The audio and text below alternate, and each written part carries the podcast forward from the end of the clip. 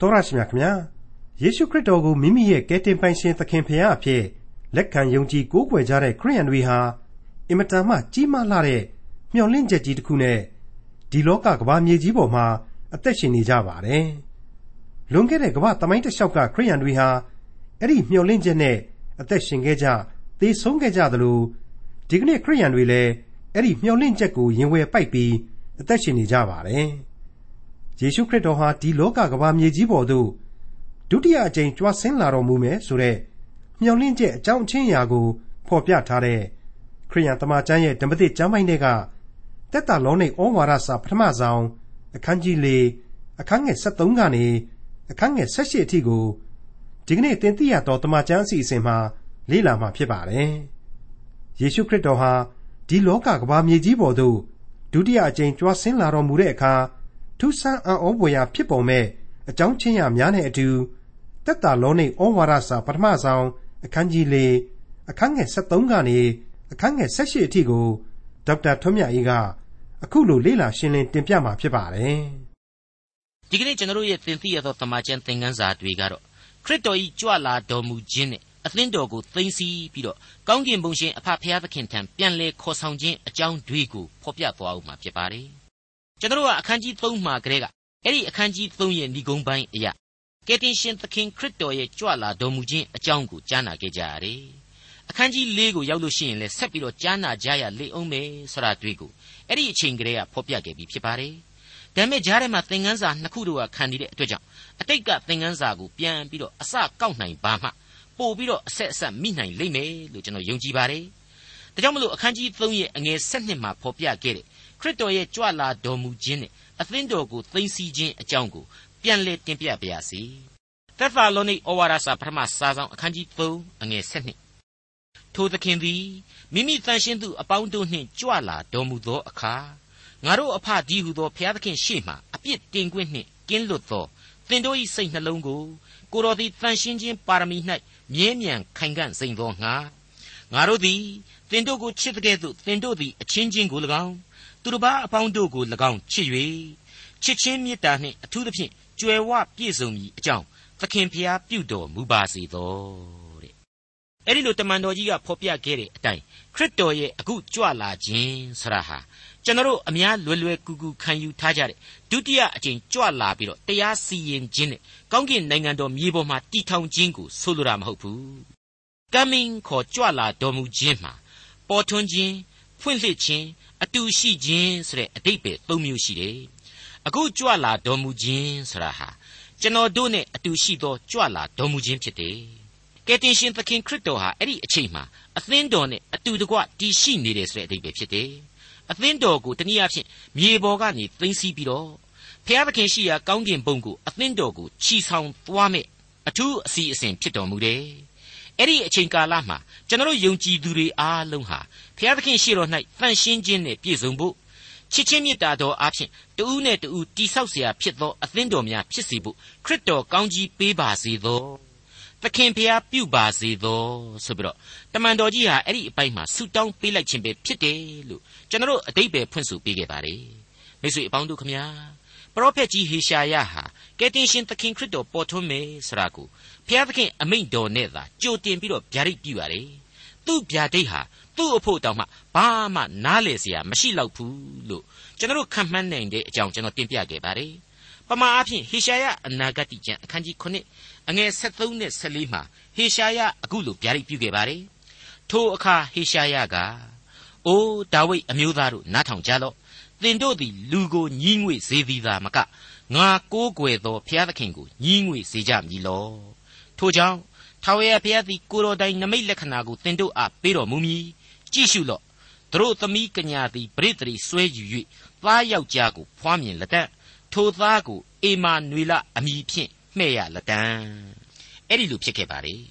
သူ့ရဲ့နှုတ်ကိုဖွင့်ပြီးတော့ဘုရားသခင်ပြောခိုင်းတဲ့အရာတွေကိုသူဟာမပြောမနေပြောပြစ်အောင်သာပြောလိုက်ရတယ်သူလိုလူတွေကလူတယောက်အဖို့ဒီအနာဂတ်ကျမ်းဟာဘာအတိတ်ပဲမှန်းလဲမသိရုပ်တည်လေရှိတောင်မှရှိခဲ့ပါစားရှိမှရှိနိုင်ပါစားလို့ကျွန်တော်တွေးပါတယ် အဲ့ဒီအတိုင်းပါပဲအခုတမန်တော်ကြီးရှင်ပေါလုဟာလေသူ့ရဲ့ယင်တွင်းကဝိညာဉ်တော်လှုပ်ရှားတဲ့အတိုင်းခရစ်တော်ကြွလာတော်မူခြင်းအကြောင်းကိုသူဖော်ပြတယ်သူကိုယ်တိုင်ဟာခရစ်တော်ကိုယုံကြည်သူအနေနဲ့ခရစ်တော်ကြွလာတော်မူပြီးတဲ့နောက်အသင်းတော်ကိုသိသိမယ်ဆိုတာကိုပြောတာပြောရတယ်သူကတဆင့်သက်သာလောနိယုံကြည်သူတွေကိုလည်းမျှော်လင့်ခြင်းရှိကြဖို့တိုက်တွန်းတာတိုက်တွန်းလိုက်ရတယ်အချိန်ကာလနဲ့ပတ်သက်ပြီးတော့ပိုင်ပိုင်ခြားခြားဘာမှသူနားမလည်နိုင်ဘူး သူခင်မှာပဲဖြစ်ပွားလိမ့်မလားဘယ်အချိန်ကာလမှာကြမှာအကြာကြီးစောင့်မြပြီးတော့မှဖြစ်ပွားလာမှလားဆိုတာတွေ့ကိုလူတွေကလူတစ်ယောက်ဖြစ်တဲ့သူ့အနေနဲ့နဝေတိမ်တောင်အမှန်တကယ်ဖြစ်ခဲ့ရမှာအမှန်ပဲလို့ကျွန်တော်ဆိုချင်ပါတယ်ဒါတွေကိုကျွန်တော်တို့ဟာဒီကနေ့သင်ခန်းစာများအရာလေ့လာရင်းနဲ့လေဆက်လက်ပြီးတော့ရှင်းလင်းပြီးသားဖြစ်သွားရလိမ့်မယ်လို့ကျွန်တော်ယုံကြည်ပါတယ်အခုစတင်စဉ်းစားကြပါစို့သက်သာလောနိဩဝါဒစာပထမစာဆောင်အခန်းကြီး၄အငယ်73ညီအကိုတို့ မျော်လင့်ခြင်းမရှိသောအခြားသူတို့သည်ဝန်းနေတကယ်သို့သင်တို့သည်ဝန်းမနေမည်အကြောင်းအိပ်ပျော်သောသူတို့၏အမှုအရာကိုမသိဘဲနေစေခြင်းဟာငါတို့အလိုမရှိအိပ်ပျော်သောသူတို့၏အမှုအရာတဲ့ဒါဟာသေသွားသောသူများကိုပြောလိုက်တာပါပဲဟုတ်ပါတယ်အိပ်ပျော်ခြင်းဟာတခဏသေခြင်းပဲဖြစ်ပါတယ်အိပ်ပျော်ခြင်းဟာအပီးရက်တန့်ခြင်းမဟုတ်ဆက်လက်ရှင်သန်ခြင်းရှိနေစေဖြစ်တယ်လို့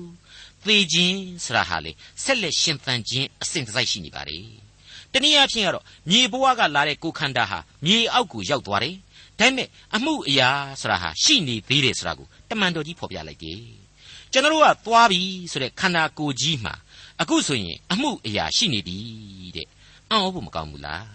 ဒါပေမဲ့အဲ့ဒီလိုအမှုအရာရှိတယ်တနည်းဆက်လက်ရှင်သန်ခြင်းရှိတယ်ဆိုတာကိုတခြားသူတွေဟာမျှော်လင့်ခြင်းမရှိဘူး ဒီလိုမျှော်လင့်ခြင်းမရှိဘူးဆိုတော့သေပြီဆိုရင်လမ်းဆုံးပဲအနတ္တတရားကိုစဉ်းစားတန်ဝေကပွားများပြီးတော့မြေမြုပ်ပြစ်လိုက်ရုံပဲအဲ့ဒီတော့အကြီးအကျယ်ဝန်းနေပူဆွေးပြီးတော့ကြံယုံကလွဲလို့အနာဂတ်ဆိုတာဘာမှမရှိဘာအမှုအရာမှလည်းမကြံနိုင်တော့ဘူးဆိုတာဟာပေါ်လာပါလေတက်တာလုံးဤဩဝါဒစာပထမစာဆောင်အခန်းကြီး၄အငယ်၁၄ယေရှုသည်သေပြီးမှတဖန်ထမြောက်တော်မူသည်ကိုငါတို့သည်ယုံလျင် ထိုနည်းတူယေရှု၌အိပ်ပျော်သောသူတို့ကိုလည်းထိုသခင်နှင့်အတူဖျားသခင်ပို့ဆောင်တော်မူလိမ့်မည်စောစောပိုင်းတုန်းကသေသွားပါပြီဆိုတဲ့ယုံကြည်သူအဖို့အမှုအရာဆိုတာရှိနေတာကိုကျွန်တော်တို့တွေ့ကြရတယ်အခုဆိုရင်အဲ့ဒီအမှုအရာဆိုတာကိုအ내ဖွင့်ပေးတယ်ခရစ်တော်ယေရှုကိုယုံကြည်သူတို့ဟာခရစ်တော်သေခြင်းမှရှင်ပြန်ထမြောက်ရသလိုခရစ်တော်အတိုင်းထမြောက်စေဖို့ဘုရားသခင်ပို့ဆောင်တော်မူလိမ့်မည်တဲ့ရှင်းပါတယ်နော် ဘုရားသခင်ကသာလျှင်ပို့ဆောင်တော်မူနိုင်တယ်ဆိုတာကိုသဘောပေါက်ဖို့လိုတယ်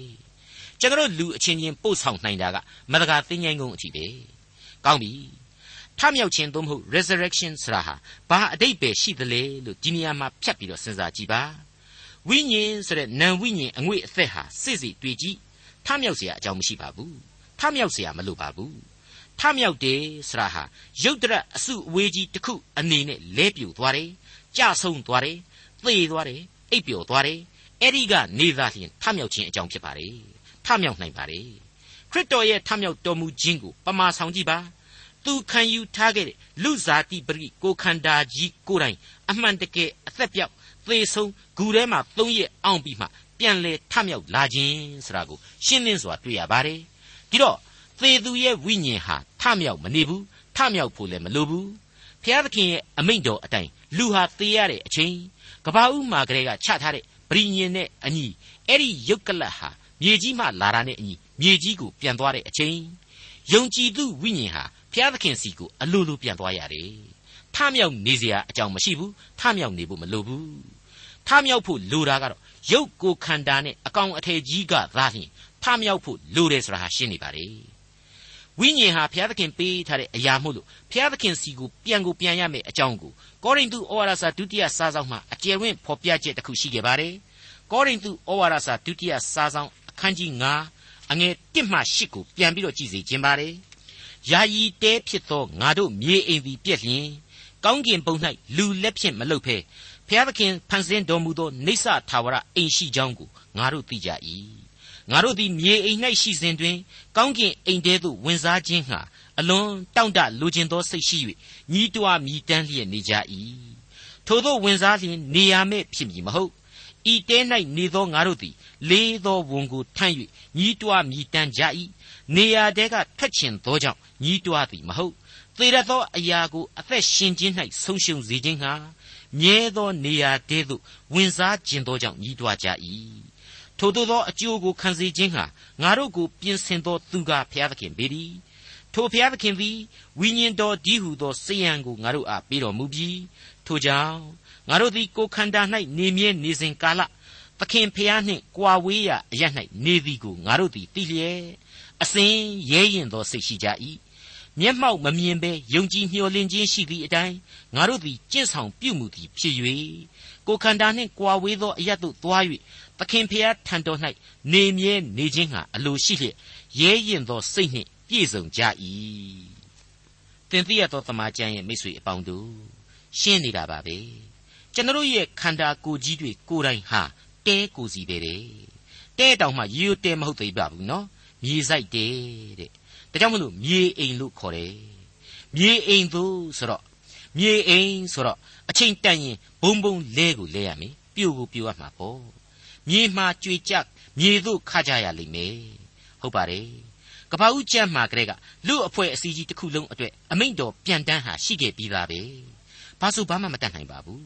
ကပ္ပဦးကျမ်းအခန်းကြီး3အငယ်19သင်ထွက်ရာမြေသို့မပြန့်မီတိုင်အောင်သင်မျက်နှာမှချွေးထွက်လျက်အစာကိုစားရမည်အကြောင်းမူကားသင်သည်မြေမှုန့်ဖြစ်၍မြေမှုန့်သို့ပြန်ရမည်ဟုမိန့်တော်မူ၏တဲ့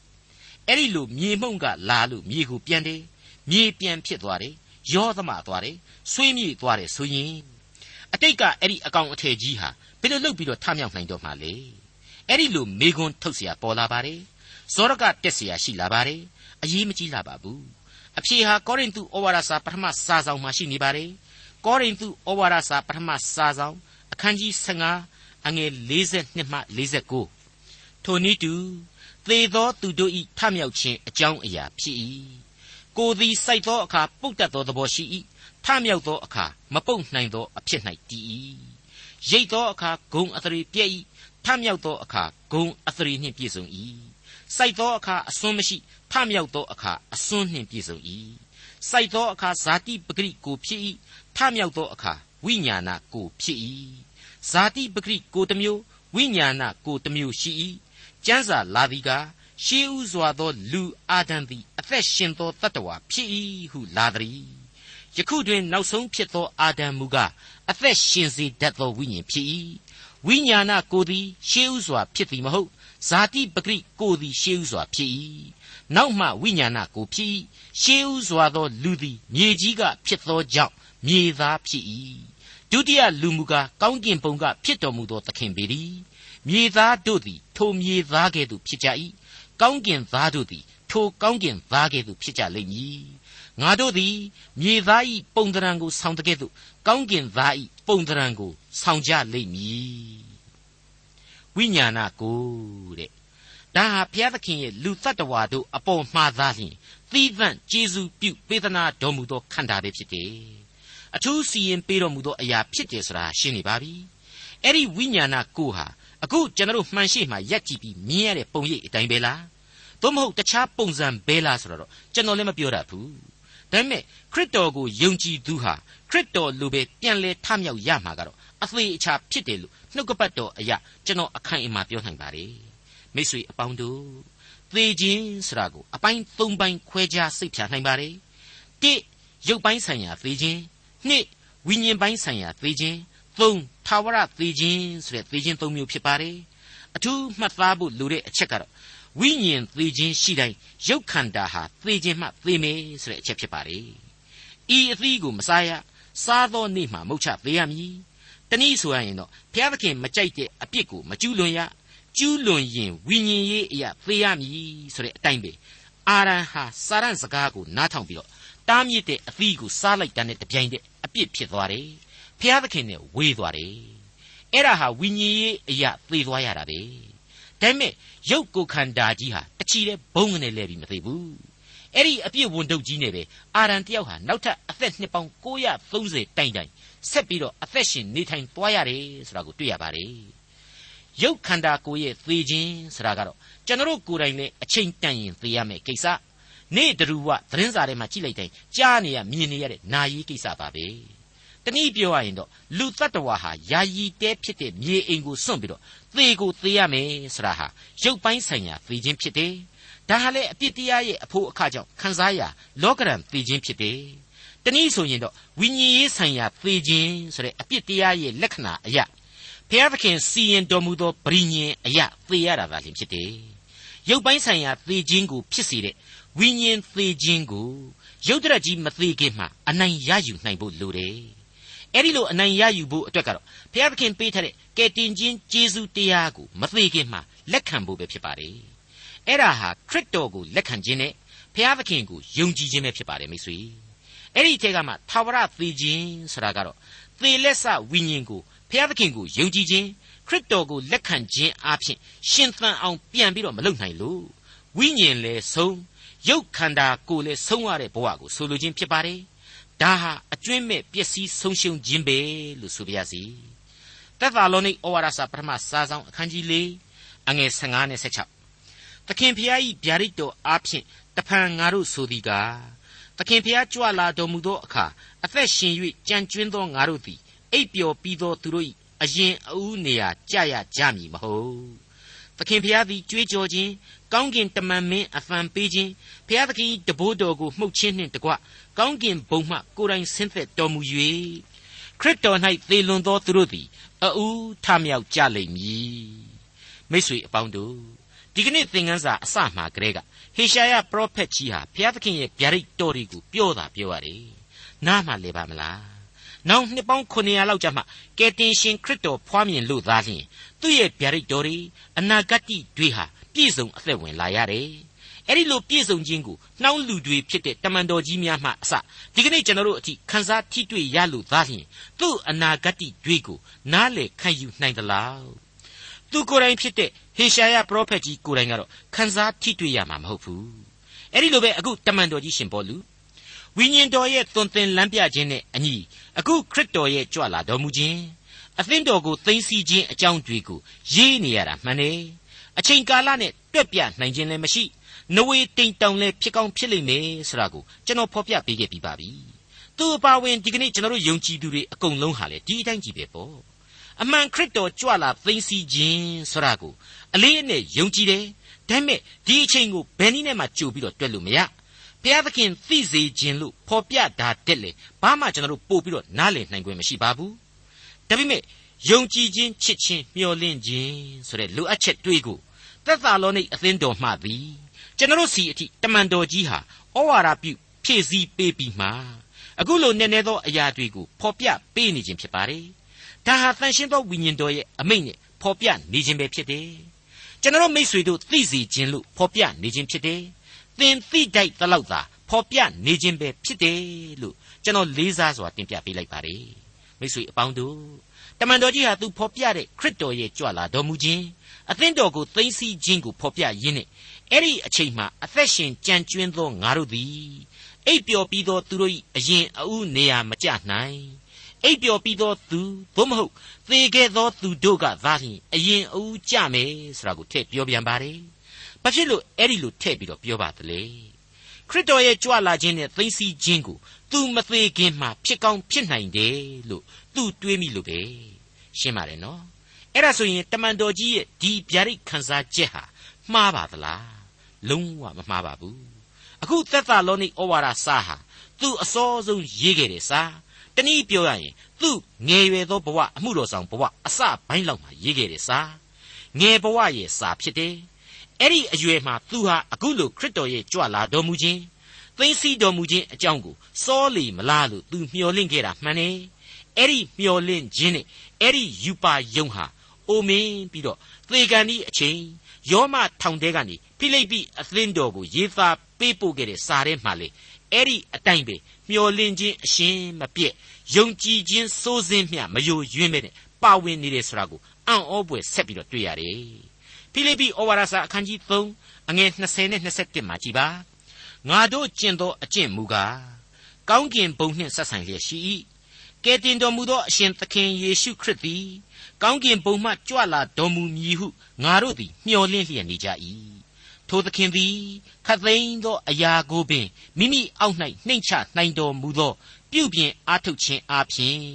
ယုံညံ့သောငါတို့၏ကိုယ်ခန္ဓာကိုပင်ဘုံအသရေနှင့်ပြည့်စုံသောကိုယ်ခန္ဓာတော်ဤနိတုဖြစ်စေခြင်းဟာအသစ် ပြည့်စင်တော်မူလတံတဲ့မိษွေတော်တတ်ရှင်အပေါင်းတို့အခုအချိန်မှဆိုရင်တမန်တော်ကြီးတို့တိဆောက်ခဲ့ရတဲ့အသင်းတော်တို့သမိုင်းဟာနှစ်ပေါင်း1900ကျော်2000နီးပါးကြာညောင်းခဲ့ပါပြီယုံကြည်ခြင်းချစ်ခြင်းမျှော်လင့်ခြင်းများစွာနဲ့အသင်းတော်အပေါင်းတို့ဟာခရစ်တော်ရဲ့ကြွလာတော်မူခြင်းကိုစောင့်မျှော်နေကြရစေပဲဖြစ်ပါတယ်စောင့်မျှော်ကြရမှာကျေးဇူးတော်ကိုချီးမွမ်းလျက်စောင့်ကြရပါတယ်ဆုတောင်းလျက်စောင့်ကြရပါတယ် တမန်တော်ကြီးရဲ့သက်သာလောနိဩဝါဒအစမှဖော်ပြခဲ့တဲ့ပမာအတိုင်းပဲယုံကြည်ခြင်းအပြင်စောင့်မျှော်ကြတယ်ချစ်ချင်းမေတ္တာတော်အပြင်စောင့်မျှော်ကြတယ်မျှော်လင့်ခြင်းအပြင်စောင့်မျှော်ကြတယ်မိတ်ဆွေအပေါင်းတို့ခမညာခရစ်တော်အဲ့ဒီလိုကြွလာသိမ့်စီမဲ့အကြောင်းကိုတမန်တော်ကြီးမှတဆင့်ဖော်ပြရမှာသခင်ဖျားသည်ကြွေးကြော်ခြင်းကောင်းကင်တမန်မင်းအသံပေးခြင်းတဘိုးမှုတ်တော်မူခြင်းနှင့်တကွကိုယ်တိုင်ဆင်းသက်ခြင်းဖြစ်တယ်လို့သက်သာလောနိဩဝါဒစာကအဓိကဖော်ပြထားပါတယ် ကျွန်တော်သိပြီးတော့သဘောကျမိပါတယ်ကိုယ်တိုင်ကြွဆင်းတော်မူမည်ဆိုတဲ့အချက်ကြောင့်ပါသခင်ကြွေးကြော်ခြင်းဆိုတာကတခြားမဟုတ်ပါဘူးငါသမီးထလောဆိုတဲ့အမိန့်သံလာဇရုထွက်၍လာလောဆိုတဲ့ရှင်ယောဟန်ခရစ်ဝင်ကျမ်းအခန်းကြီး7အငယ်53မှာတွေ့ရတယ်ကြီးစွာသောအသံမျိုးနဲ့အမိန့်ပေးတော်မူသောအသံပဲဖြစ်ရပါလိမ့်မယ်အဲ့ဒီလိုပါပဲ ကောင်းကင်တမန်မင်းအသံပေးခြင်းဆိုတာဟာလေကိုတော်တန်ရဲ့အသံပေးခြင်းပဲလို့ကျွန်တော်ခံယူပါတယ်အသင်းတော်ကိုပင်တေကုတ်တေပွဲတော်နေ့မှာစတင်ပြီးတော့တီထောင်ခြင်းမှာဝိညာဉ်တော်ဆင်းသက်ခဲ့ပါတယ်ဝိညာဉ်တော်နဲ့ပြည့်ဝစေခဲ့ပါတယ်ဘာကောင်းကင်တမန်မှမပါဝင်ဘဲနဲ့သူကိုယ်တော်တိုင်ဝိညာဉ်တော်နဲ့တိဆောက်ပေးခဲ့ခြင်းပါလူစားတိကိုသူခံယူခြင်းမှာကောင်းကင်တမန်ဆေလွတ်ပြီးတော့ကြည်ညာခိုင်းခဲ့တာမှန်ပါတယ် ရှင်ပြန်ထမြောက်ချိန်မှာကောင်းကင်တမန်ကိုသတင်းပို့ခိုင်းတာလည်းမှန်ပါတယ်ဒါဟာသူကိုယ်တိုင်ကလကာအဖွင့်ကိုစောင့်နေတယ်ဆိုတဲ့သဘောဖြစ်ပါတယ်အခုအသင်းတော်ကိုသိသိဖို့အတွက်ကတော့ကိုတော်တိုင်ဟာကြွလာဆင်းသက်ဝိညာဉ်တော်တကိုးနဲ့ကိုတော်တိုင်သာလျှင်ပြုလုပ်သွားမှာပဲလို့ကျွန်တော်လေးနဲ့စွာယုံကြည်ပါတယ်တဘိုးတော်မှုတ်ခြင်းတဲ့ ခရစ်တော်လာပြီဟေးဆိုပြီးတော့ကောင်းကင်တမန်တီးဝိုင်းကြီးနဲ့နားကွဲလောက်အောင်ဝိုင်းပြီးတော့ဘန်ခရာတွေနဲ့တီးကြမှုတ်ကြဓာတ်ကိုလူတွေဟာစိတ်ကူးရင်တတ်ကြပါလေကျွန်တော်ကတော့အဲ့ဒီတိုင်မတွက်ဘူးဝိညာဉ်တော်ရဲ့အံ့ဩပွေသောအသံတော်ဖြစ်တယ်တူးချင်းကိုအသက်ဝင်စေသောအသံပဲဖြစ်တယ်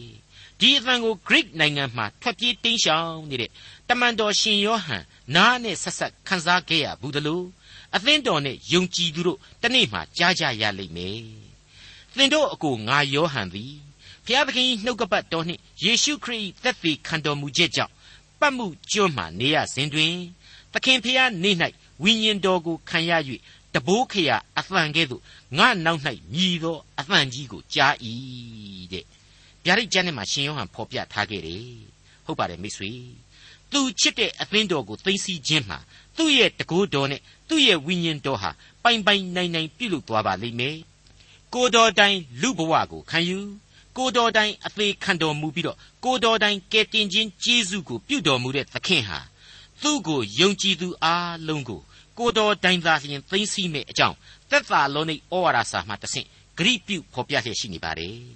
သက်သာလောနိဩဝါဒစာပထမစာဆောင်အခန်းကြီး၄အငယ်၁၈ထိုအခါအသက်ရှင်၍ကြံကျွင်းသောငါတို့သည်အာကာသကောင်းကင်၌သခင်ဖျားထံတော်သို့ရောက်စေခြင်းဟာထိုသူတို့နှင့်တကွ မိုးတိမ်ပေါ်သို့ချီဆောင်ခြင်းကိုခံရသောအပြင်သခင်ဖျားနှင့်အတူအစင်မပြတ်နေရကြလိမ့်မည်စောစောကြွလာသိသိလိမ့်မယ်လို့သူယုံကြည်ခံစားမိတဲ့အတွက်ကြောင့်တမန်တော်ကြီးတွေးမိတဲ့အတွက်ကြောင့်အသက်ရှင်၍ကြံကျွင်းသောငါတို့ဆိုပြီးတော့တခါထပ်မံရေးသားမိတယ်ကိုပိုင်ခန်းစားချက်ကလေးကိုသိသာစေတဲ့အပိုင်းပါပဲကျွန်တော်အဖို့ကတော့ဒီလိုဖော်ပြလိုက်ခြင်းအပြင်ပို့ပြီးတော့အသက်ဝင်စေတယ် အတိတ်ပဲလေးနဲ့စေတယ်လို့ယင်ထဲမှာခံယူမိပါတယ်ဒီကနေ့ကျွန်တော်တို့ရှင်သန်စေကာလမှာကောမဖြစ်နိုင်ဘူးလားဖြစ်နိုင်တာပဲကျွန်တော်ဒီစာကိုရေးလို့မပြီးခင်မှာဖြစ်နိုင်တယ်အခုအသံသွင်းလို့မပြီးခင်မှာဖြစ်နိုင်တယ်မိษွေတို့နာတော်တဆင်းရင်လည်းဖြစ်နိုင်တာပဲမျက်စိတမိတ်လျက်တစ်ပြက်အတွင်ဖြစ်နိုင်တယ်နက်နဲ့ဖန်ဖြစ်နိုင်တယ်။နောက်နှစ်ပြိစေတမြောက်များစွာကြာပြီးမှလည်းဖြစ်ချင်ဖြစ်နိုင်တယ်။အတိအကျသိခွင့်ရှိသလားဆိုရင်တော့ဘယ်သူမှမအရှင်းမရှိဘူး။ မသိရလို့လည်းဘာမှဝန်နေစရာအကြောင်းမရှိ။မခံယူနိုင်စရာအကြောင်းလည်းဘာဆိုဘာမှမရှိပါဘူး။တတမန်တော်ကြီးမှတဆင့်ဗျာဒိတ်တော်ဟာအခိုင်အမာဂရိပေးနေသလိုသမိုင်းတလျှောက်ကထင်ရှားသောအနာဂတ်တွေဖြစ်စဉ်တွေကိုတော်တိုင်နှုတ်မှမွဲ့ဆိုခဲ့တဲ့တရားစကားတွေအကုန်လုံးဟာလေတူပြိုင်သစ္စာတီးပြီးနေစေပါတယ်ဟုတ်ပါတယ်ဆုတောင်းလျက်စောင့်နေရမယ့်အချိန်အတွက်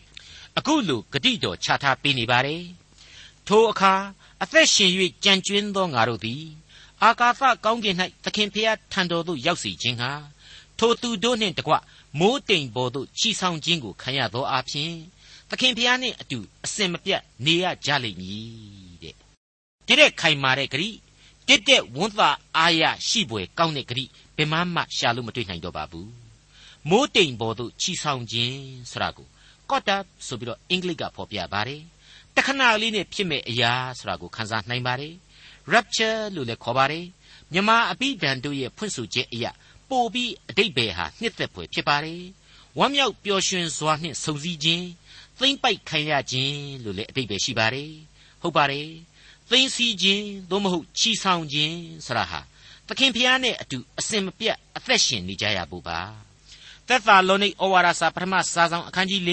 အငယ်၁၈တို့ဖြစ်၍ဤစကားများအဖျင်အချင်းချင်းတယောက်ကိုတယောက်သက်သာစေကြလော့ဤစကားများတဲ့ဒါတွေဟာဒီကနေ့ကျွန်တော်တို့ကြားနာခဲ့ရတဲ့စကားတွေပါပဲညီအကိုတို့မျောလင့်ခြင်းမရှိသောအခြားသူတို့သည်ဝန်းနေတကဲ့သို့သင်တို့သည်ဝန်းမနေမည်အကြောင်းအိပ်ပျော်သောသူတို့၏အမှုအရာကိုမသိဘဲနေစေခြင်းဟာငါတို့အလိုမရှိယေရှုသည်သေပြီးမှတဖန်ထမြောက်တော်မူသည်ကိုငါတို့သည်ယုံမြင် ထိုနည်းတူယေရှု၌အိပ်ပျော်သောသူတို့ကိုလည်းထိုသခင်နှင့်အတူဖျားသခင်ပို့ဆောင်တော်မူလိမ့်မည်ထိုအခါအသက်ရှင်၍ကြံကျွင်းသောငါတို့သည်အာကာသကောင်းကင်၌သခင်ဖျားထံတော်သို့ရောက်စေခြင်းဟာထိုသူတို့နှင့်တကွမိုးတိမ်ပေါ်သို့ချီဆောင်ခြင်းကိုခံရသောအဖြစ်သခင်ဖျားနှင့်အတူအစင်မပြတ်နေရကြလိမ့်မည်ဒေါက်တာထွန်းမြတ်ရေးစီစဉ်တင်ဆက်တဲ့တင်ပြတော်တမချန်းအစီအစဉ်ဖြစ်ပါတယ် နောက်တစ်ချိန်အစီအစဉ်မှာခရိယန်တမချန်းရဲ့ဓမ္မသစ်ကျမ်းပိုင်းတွေကတက်တာလောနေဩဝါဒစာပထမဆုံးအခန်းကြီး9အခန်းငယ်1ကနေ